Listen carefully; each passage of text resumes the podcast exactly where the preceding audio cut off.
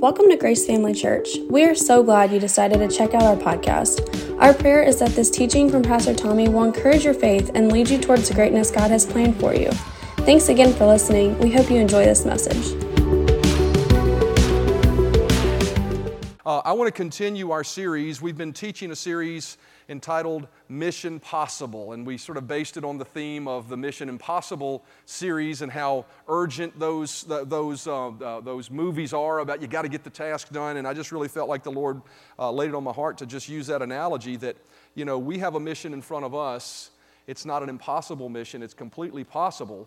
Uh, but we should have the same level of urgency about it. And we find that call to make disciples and that mission that's been given to us in Matthew chapter 28, verse 18 through 20. It's our foundation text. Let's read that and then we'll pray and, and believe for what he has for us today. Matthew chapter 28, verse 18 says, And Jesus came and spoke to them, saying, All authority has been given to me in heaven and on earth.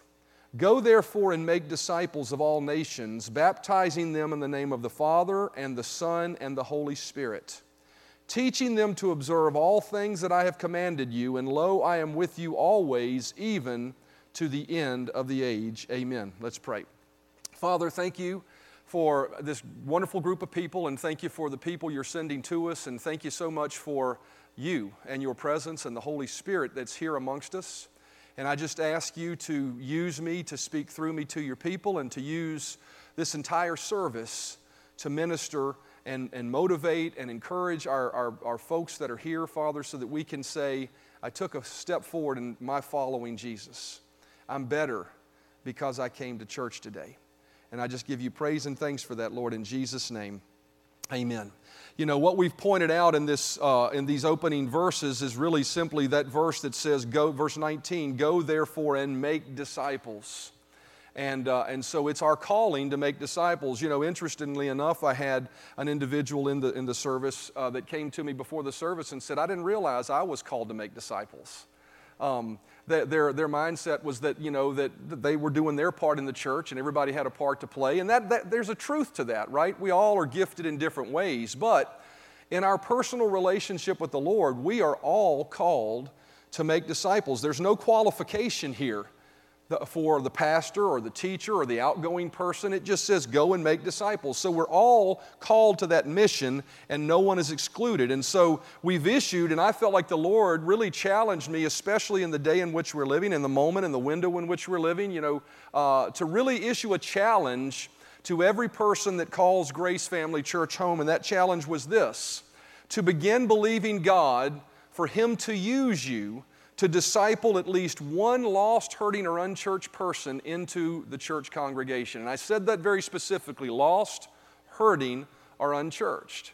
We're not talking about pulling someone from a different church. We're not talking about finding someone that goes to a church and, you know, we do it better, so come see us. No, we're talking about truly looking at the landscape of our lives and seeing who our lives touch and really asking ourselves the question Have I done my part of sharing the gospel, trying to bring those individuals along the discipleship path? And if I haven't, then I'm going to trust God and step forward and begin to believe to do that. And we should have that, that, that mission as a real sense of criticalness and urgency in our lives because eternity's at stake. I've always, I share these two verses to start because we really need to see that. It says in Mark chapter 16 and verse 15, it says, And Jesus said to them, Go into all the world and preach the gospel to every creature.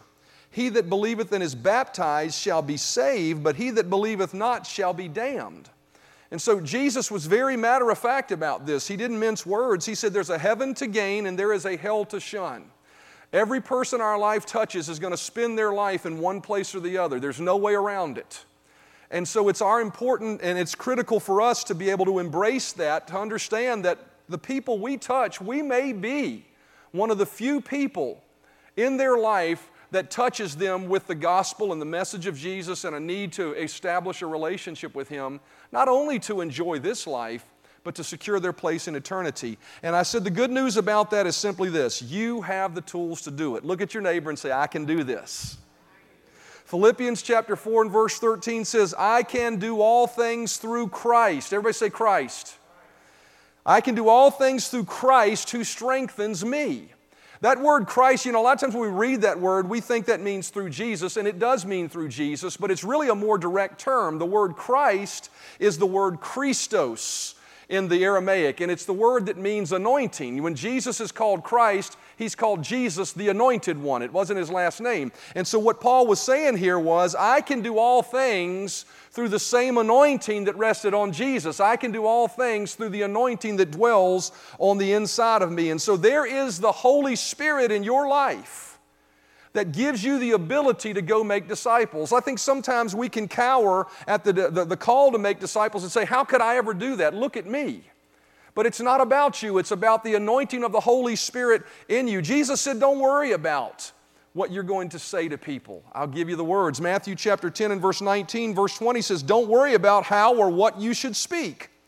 For it will be given to you in that hour what you should speak. For it is not you who speaks, but the Spirit of your Father who speaks in you.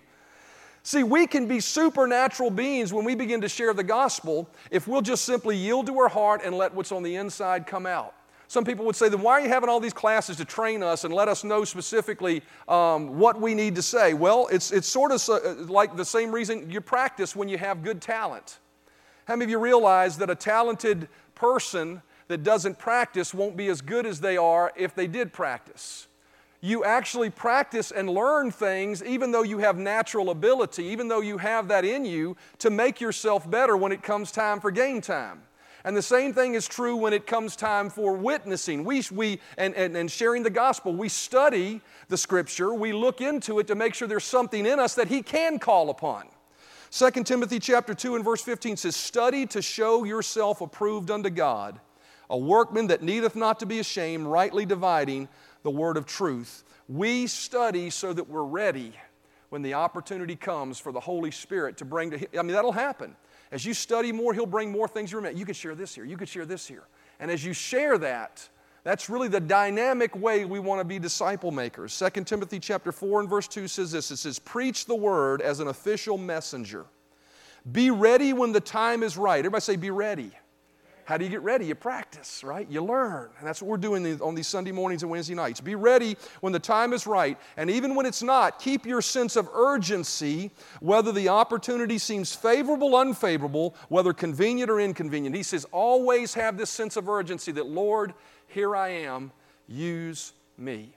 Now, what I committed to you guys was I was going to do my very best to train and equip you guys with the tools and resources we have here at Grace to equip you to be able to be an effective disciple maker, to give you information, something you can take home and digest, make it a part of your life, and begin to use it. So we're doing that on Sunday mornings. We're doing it on Wednesday nights. I brought Zach in last week because he's had, God's really used him in, in really uh, uh, uh, evangelism and street evangelism and witnessing to people. But we got another great resource in our church that I want to bring forward now to share with you really a second step that is required to make disciples. Not only do we want to make disciples in, in the situation where, where we, uh, you know, where we um, uh, uh, witness to them the Word of God, but where we effectively incorporate them into the body that's around us. You know, as I look at the story of the Good Samaritan, in just a moment I'm going to bring Nakia up, and she's going to share with you how to accomplish this or the way the Lord has used her to accomplish this, and we can glean from that and learn that. But you know, we had the story of the Good Samaritan that we talked about in previous messages. How many of you remember the story of the Good Samaritan? There was a guy that was traveling, he got beat up, left by the roadside, robbers beat him, left him half dead, and there he was. And the Levite walked by, and the, uh, the Pharisee or the priest walked by, but then the Samaritan walked by and went to him, and we said he did two things. He took time out of his schedule, he poured in oil and wine.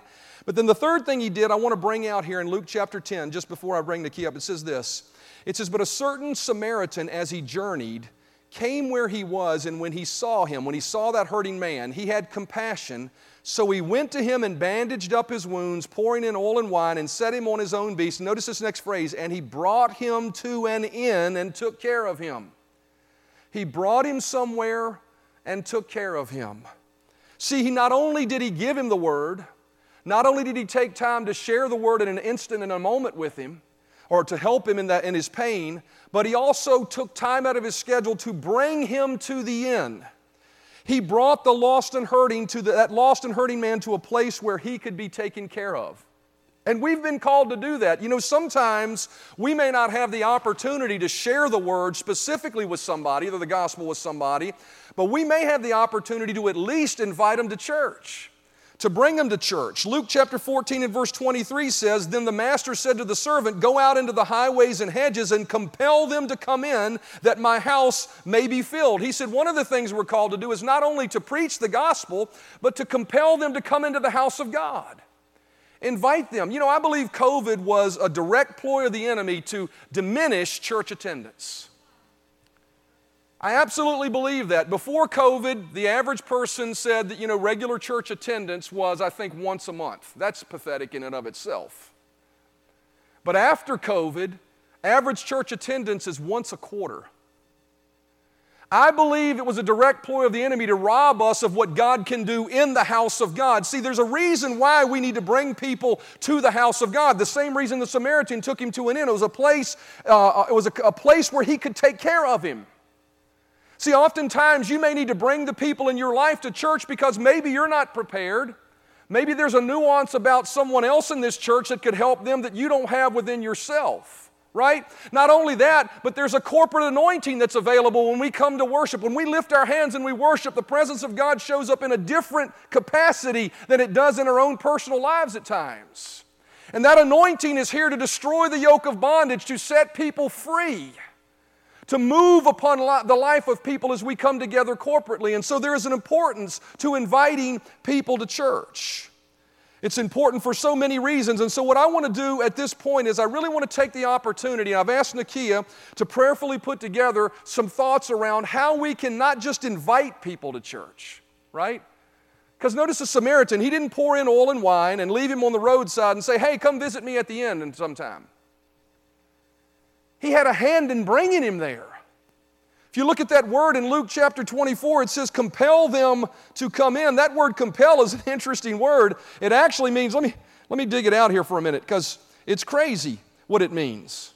It's almost unheard of. It says compel means to necessitate, to drive, to constrain by force and threats by permission and entreaty and by other means. Now, that doesn't mean we threaten people and we're mean. That's not what that means. But the essence of the word has such a sense of urgency about it that says we need to do our best, not just a flippant invitation.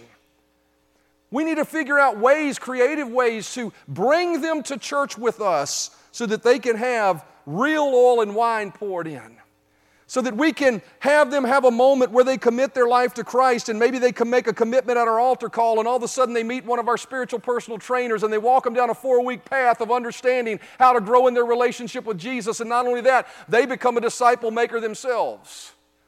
Why? Because God loves them and wants them to fulfill their purpose and destiny. And because ultimately God has a calling for them to do the same thing we're talking about you doing. Amen? And so, Nakia, if you'll make your way up, I'm going to ask her for the next few minutes to share with us some thoughts around how do we bring people to church. What are the processes we do this? So give Nakia a hand, let her know we're glad they're here, and Nakia, you go ahead and share. Have your liberty, and we'll talk after you're done. Amen. Well, like he was saying, this portion of the Mission Possible is we're going to be discussing the difference between what it means to invite someone to church and what it means to bring someone to church because it's very different and it's very simple also and i want to i want to just press that a little bit is the difference between inviting and bringing is relationship. And what i also want to say is i know this sometimes can seem like it's outside of your reach outside of your capacity.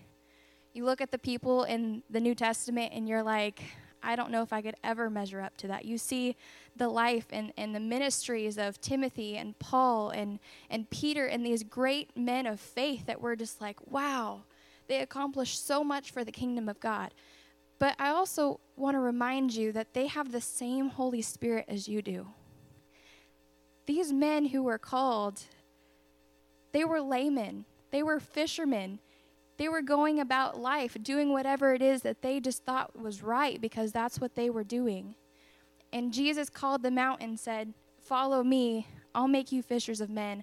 I'll show you how to do this. I'll equip you with everything you need. And I see that in 2 Peter 1, verse 3. It says, Everything we could ever need for life and godliness has already been deposited in us by his divine power. For all this was lavished upon us through the rich experience of knowing him, who has called us by name and invited us to come to him through a glorious manif- manifestation of his goodness. So, what I see in that is everything that I need to fulfill the purpose and calling that God has placed within me, everything that I need to be obedient to what He has called and said for us to do in the Word, is already on the inside of us because that's where He abides. If we've received Christ, He said He's made His home within us by His Holy Spirit, which means that we are fully capable and fully able of fulfilling every aspect of what He has said we are to do. If He says go and make disciples, we can and we will because He's already made a way where there is no way. He's already provided everything that we need to be able to fulfill it and do it successfully. So I want to remind you as we go through this series, as we go through this time, is that it don't put the weight of it upon your shoulders of how am I going to do this? How am I going to figure this out? How am I going to go about approaching someone? How am I going to go about even having a word come out of my mouth? But what he tells us to do over and over again as you read through your own word it says, Trust and obey. Trust me. Follow after me. Seek me with your whole heart. Because I tell you what, the power and the boldness and the courage and what everything you are supposed to say and do comes from the intimate place of having time with Him. Because when you have time with Him, you're learning His voice to where when you're going about your life, going about the day, going to the grocery store, you're at your job, your inner ear is still attentive to his voice. So as he's speaking to you, you recognize his call because he's your shepherd, you're his sheep. And so as you nurture that relationship, it becomes easier because you've already spent time with the Father. Just as Jesus took time away whenever he was in ministry and everybody was coming at him, needing him, pulling on him, desiring of him, he stepped away and he had that intimate moments with his father. And then he came back and was able to fulfill so many things. Even everything that he did is not even written in the book. That's pretty amazing. So, he's not asking us to figure out every detail of how to do this. He's just asking us to trust him to obey and just see Him work through us in a way that you yourself may be surprised, but He is not. Because He is able to do everything through you as long as you are just willing and obedient. That's all He asks. That's all He asks, really. You don't have to be a scholar. You don't have to be someone who has gone to Bible college. You're, you do not have to be someone who has known the Lord for 40 years. All He's asking is that you just step in and say, whatever you want, whatever you need, I'm, I'm ready. I'm open, I'm sensitive. I just want whatever you want. And with a heart like that, He can use you no matter what. It's very simple, guys. Don't try to overcomplicate things. So, with this bringing people to church, I'll kind of start off with saying things that we don't want to see. Um, we don't want to see this manipulation of being kind, but with it being empty. People, I'm telling you what, people in the world, they know fake. They're very sensitive to that. They have been experiencing fake their whole life and they're seeking for truth. They're seeking for the real stuff. So if we come out of our own fear because we're like timid and not knowing what to say and you know, I don't really know, but we come up and we're like, "Oh, bless God, he's so good. We love you." They're going to see right through that. He wants to work through us in authenticity, okay? Be real, be honest, be open. The other aspect that I see with inviting rather than bringing is there's no connection. There's no initiation of a relationship. There's no connection of showing, hey, I love you. Because people don't care how much you know unless they know how much you truly care about them. So you could know anything and everything, and you could be this person who is so full of the word, you've memorized Genesis to Revelation, and you got it all. And but if you don't even care, I mean, Jesus talked about that multiple times. He said, "You're a whitewashed tomb full of dry bones. You're empty." Because the whole purpose of the gospel is love. if we don't have love, we, we're nothing. 1 Corinthians 13 says that we're nothing but clanging cymbals, rusty gongs. We're nothing that would even just sound pretty, you know? So it's very important that when we go about speaking and, and meeting with people, whether it be family or friends or people at your job or even just a stranger in the supermarket, it's very important to keep that in your mind and keep that at your forefront of they need to see God just like I needed to see God because all of us have been in that same situation. None of us were born saved. We all had to have our own relationship with God. We all had to make our own decision to accept Him. Well, put yourself in their shoes as well. So, whenever you read through the New Testament, you hear the word church. And if you look at it, it's actually the word ecclesia. And if you break it down, it means the called out ones, the separate ones.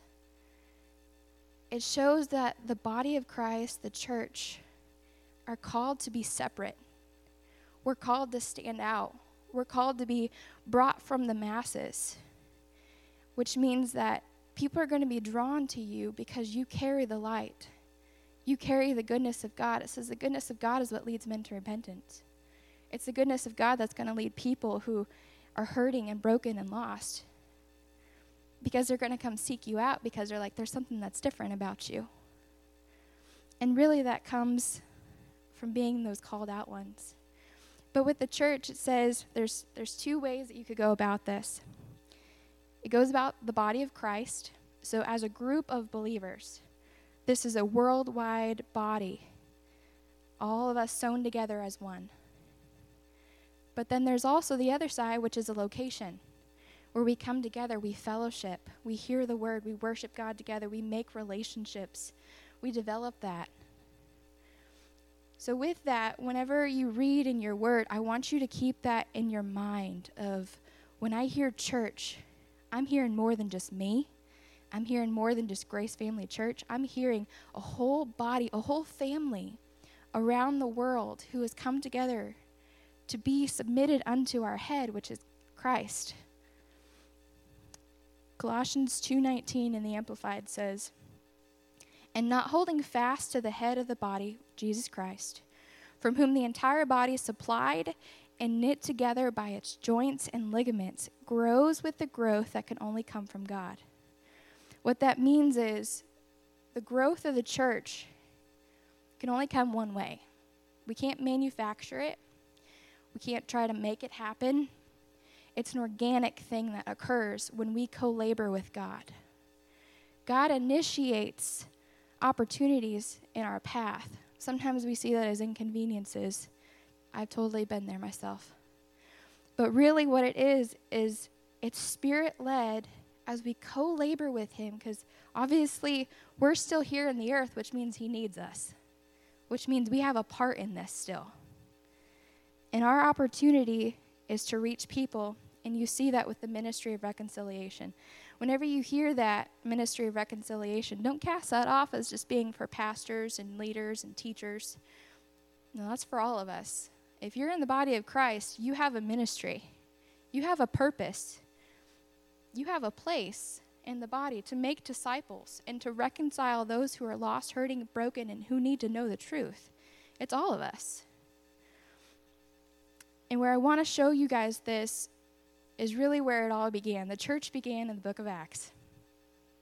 That's going to be our best example in the Word to show how it organically came together and how it just boomed in such a way that was just magnific- magnificent to witness as we read this. But there's two things that happened that organically happened that drew men to become a part of this now church.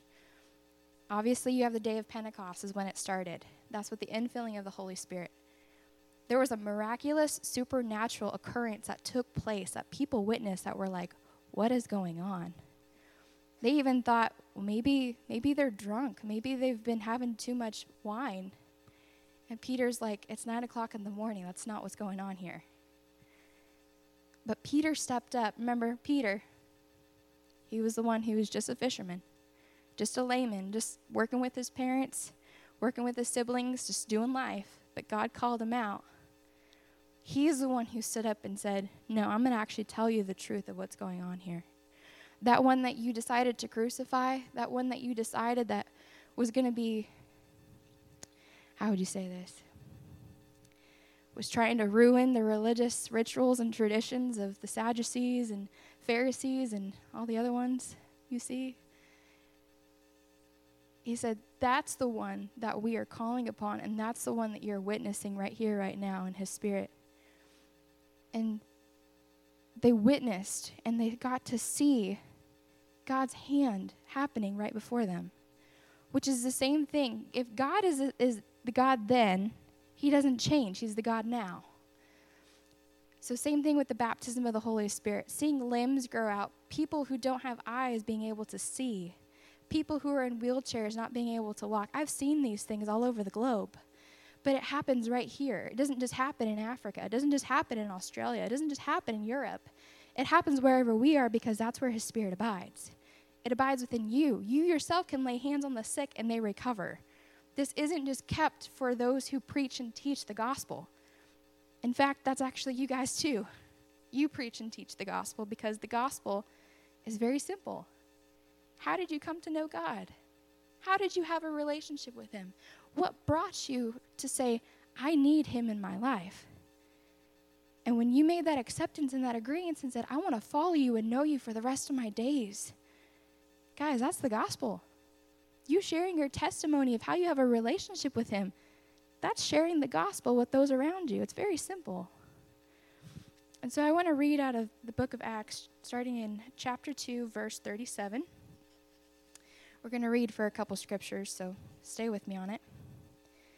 It says, Now when they heard this, they were cut to the heart and said to Peter and the rest of the apostles, Men and brethren, what shall we do?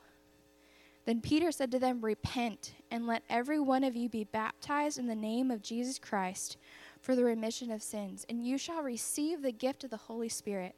For the promise is to you and to your children, and to all who are afar, as many as the Lord our God will call.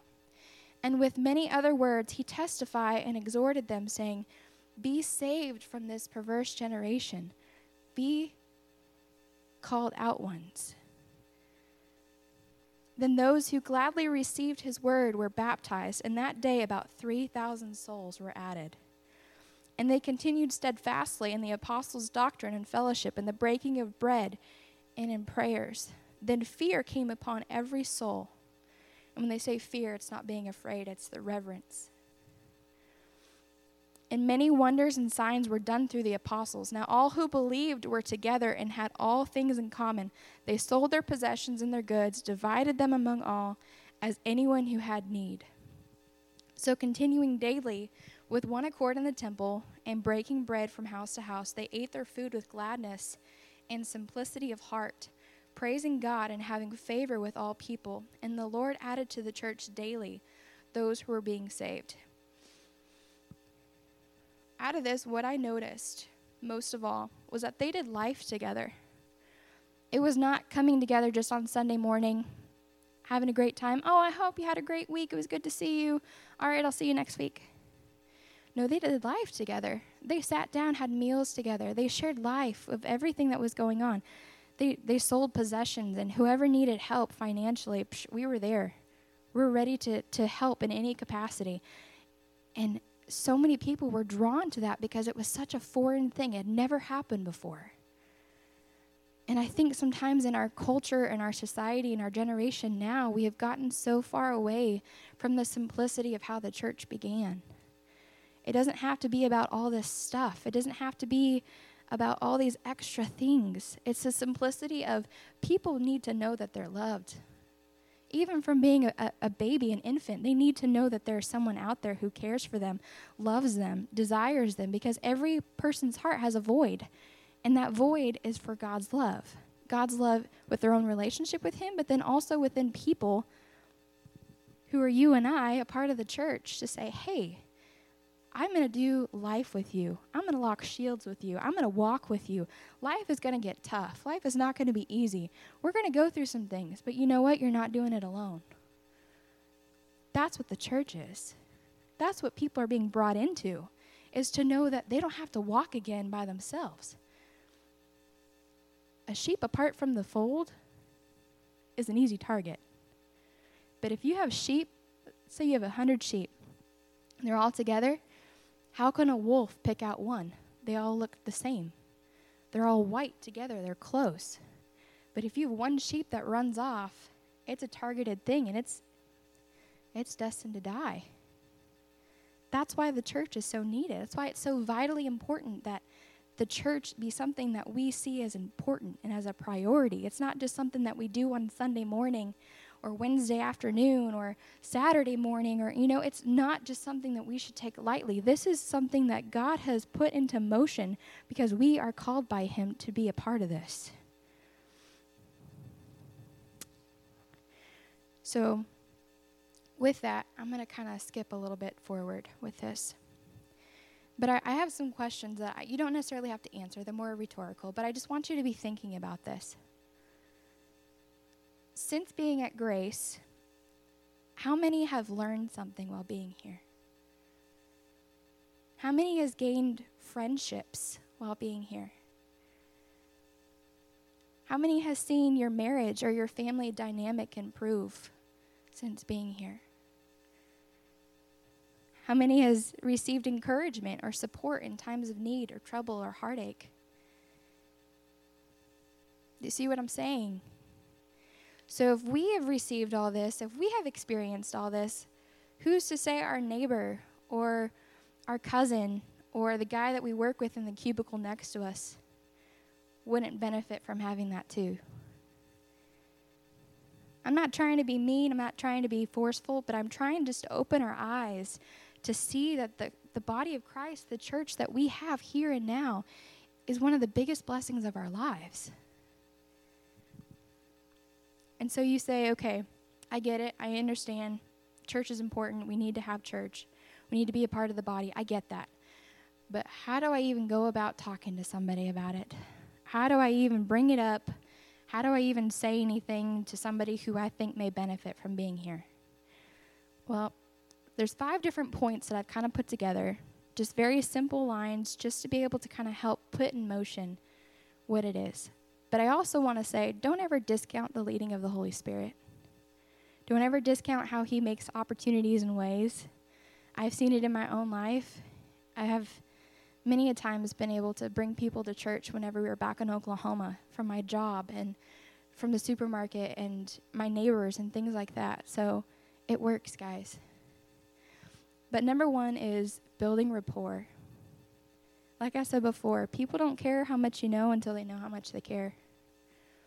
So if you care about them and they, they notice that and they're like, okay, there's something different about you. You don't pass me by like I'm just a nobody. You actually see me and think that I'm important.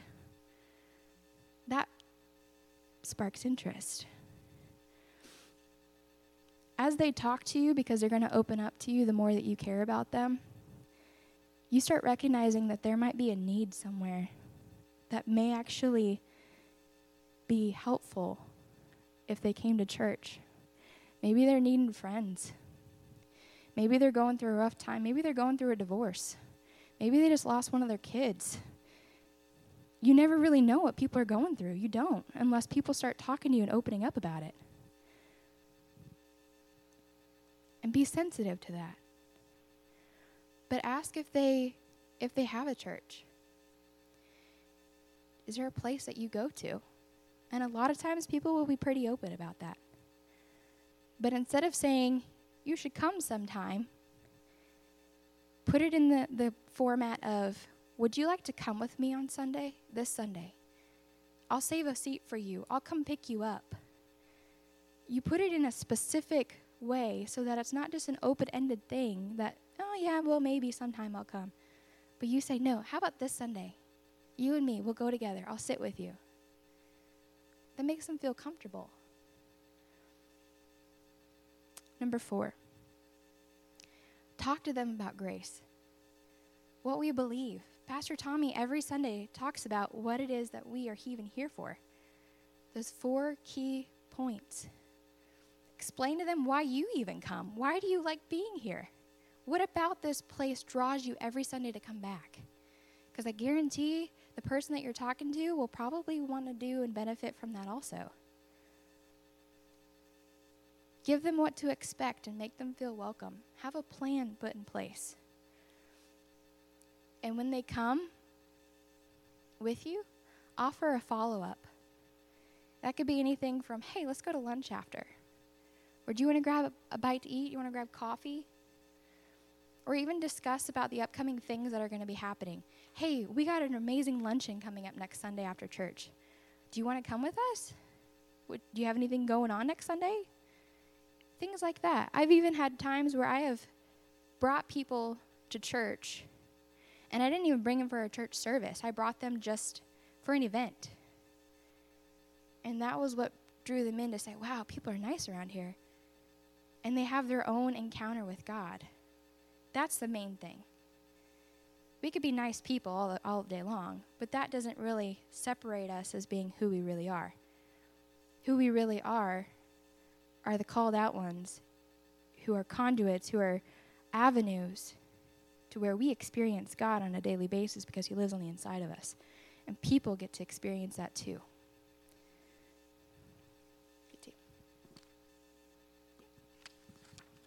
All right, give Nakia a hand. Thank her so much. Thank you. You know, she caught me by surprise there because I was deep in thought by something she said. Um, thank you so much again. Um, you know, for me, you know, I wanted her to share because I wanted you to pick up the essence of something of what she had on her heart. And it was really simply this that, and it's really what I asked her to do, was to talk about the fact that we're called to bring people to church. And I think, I think sometimes when we talk about being a disciple maker and we've spent some time talking about how to share the gospel with someone, you know, we did that last week, we can see that as a moment in time thing, right? I'm a disciple maker, so at this moment, I get to share the gospel with them. And I think the essence of what I really picked up from Nakia and what she shared, and I think the Spirit of God was saying to her, was this is that bringing someone is more than a moment in time experience. It is an actual embracing of a lifestyle that you've been called to as a believer. Not because Pastor Tommy issued a Mission Possible directive wrapped up in some, you know, marketing type of thing that says we got a Mission Possible thing. That's the Lord laid it on my heart to do that to motivate you, but it's because you recognize that I'm not called to, in a moment in time, throw a track at someone. I'm not called to, in a moment in time, just give somebody the Romans road like we talked about last week or Wednesday night, but I am called to bring people to the feet of Jesus. And the way we bring people to the feet of Jesus is really a process of establishing deeper relationship with Him. I thought about the church of, you know, that, that all came in and, and it says they met daily. Well, if you think about that for a minute, on the day of Pentecost, there were, what, 3,000 people that committed their life to Christ? But they were friends. How did that friendship take place? It was because those new believers were fostered along the path by people that actually had met Jesus and knew him. Bringing someone to church is more than a process of just inviting them. It's more than just saying, hey, come to church with me. It's about recognizing the people in your life. As I prayed about this series, I really felt like the Lord was challenging our church to look around our life at the relationships we currently have, not the stranger in the supermarket. And to really look at those relationships and say, Lord, am I bringing them along the path the best that I can to the feet of Jesus?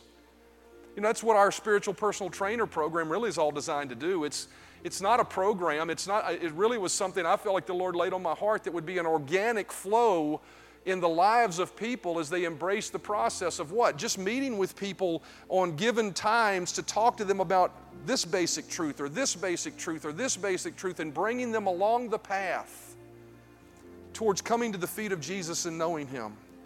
And so it's our purpose to bring people to Jesus. Estab- look at our relationships, find those windows of opportunity to invite them to church, bring them to church, share your care for them.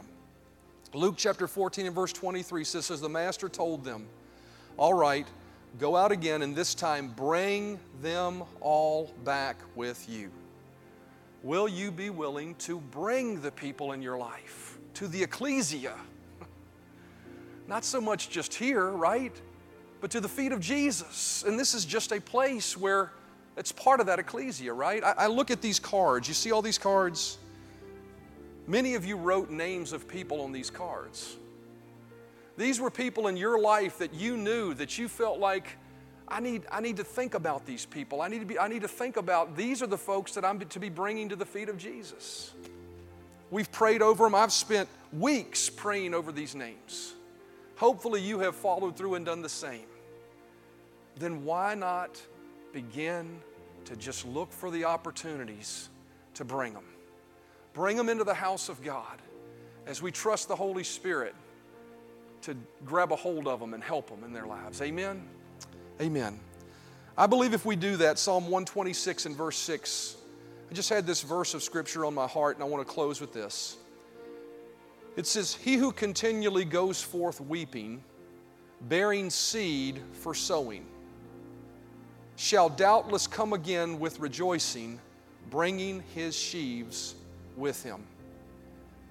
I believe as we faithfully say, Lord, I have prayed for these people, I've poured my heart. That's the weeping part, right? I've poured my heart into praying for them. Praying that, Lord, you would open their eyes to see their need for a more intimate relationship with you. Father, I've spent time breaking the power of the enemy over their life in the name of Jesus from blinding them. Holy Spirit, I've asked you to open windows of opportunity to draw them and bring them into your presence and draw them to you. Now, Father, use me. We go forth doing the weeping, weeping first. And then we bear the seed of sowing. What is the seed of sowing? It could be as simple as, Lord, like she said, you know, will you join me at church this week? Have, you know, I'll grab a cup of coffee with you beforehand. Let's meet there beforehand and let's just, and then we'll, we'll come into the service. There's good things here, right? Bring them to church. It says if we do that, we will come again rejoicing, bringing in the sheaves. You know, there's an old Baptist song we used to sing, Bringing in the Sheaves. How many remember that song? I remember that song. It's a young man, a young, young kid hearing them sing it. Didn't even know what they were talking about. What they're talking about is bringing in the precious fruit of the earth. God wants us to have a part in that. This is not about, I'm so done as a pastor trying to build a great church. I, I can't, you can't do that anyway. God has to do it. I just want us to reach people with the love of Jesus, right? Thanks for listening to our Grace Family Church podcast. We really hope you enjoyed this message. If this ministry has blessed you in any way, we would love for you to get connected. Just go to gfcva.info to learn more about who we are, how to give to this ministry, or how you can get involved. Thanks again for listening, and we hope to see you soon.